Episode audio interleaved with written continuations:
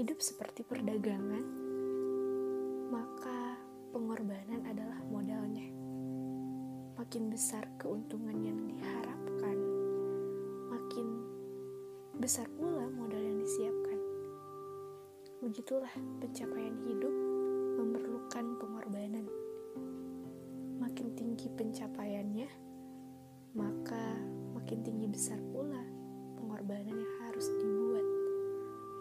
Ada orang yang mengorbankan waktunya, ada yang dengan tenaganya, ada yang lewat pikirannya, ada pula yang lewat perasaannya.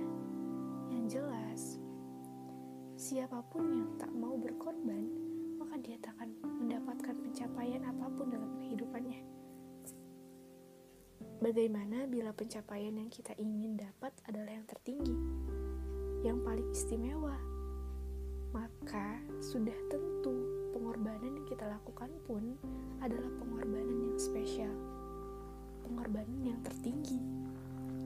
Berkaitan dengan ini, Allah tegaskan dalam surah As-Saff ayat 10 sampai 11.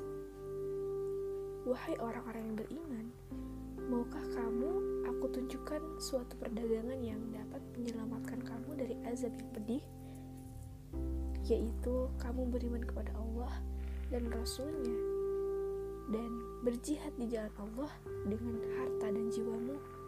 Itulah yang lebih baik bagi kamu jika kamu mengetahui. Tak ada satupun pencapaian yang tak menuntut pengorbanan.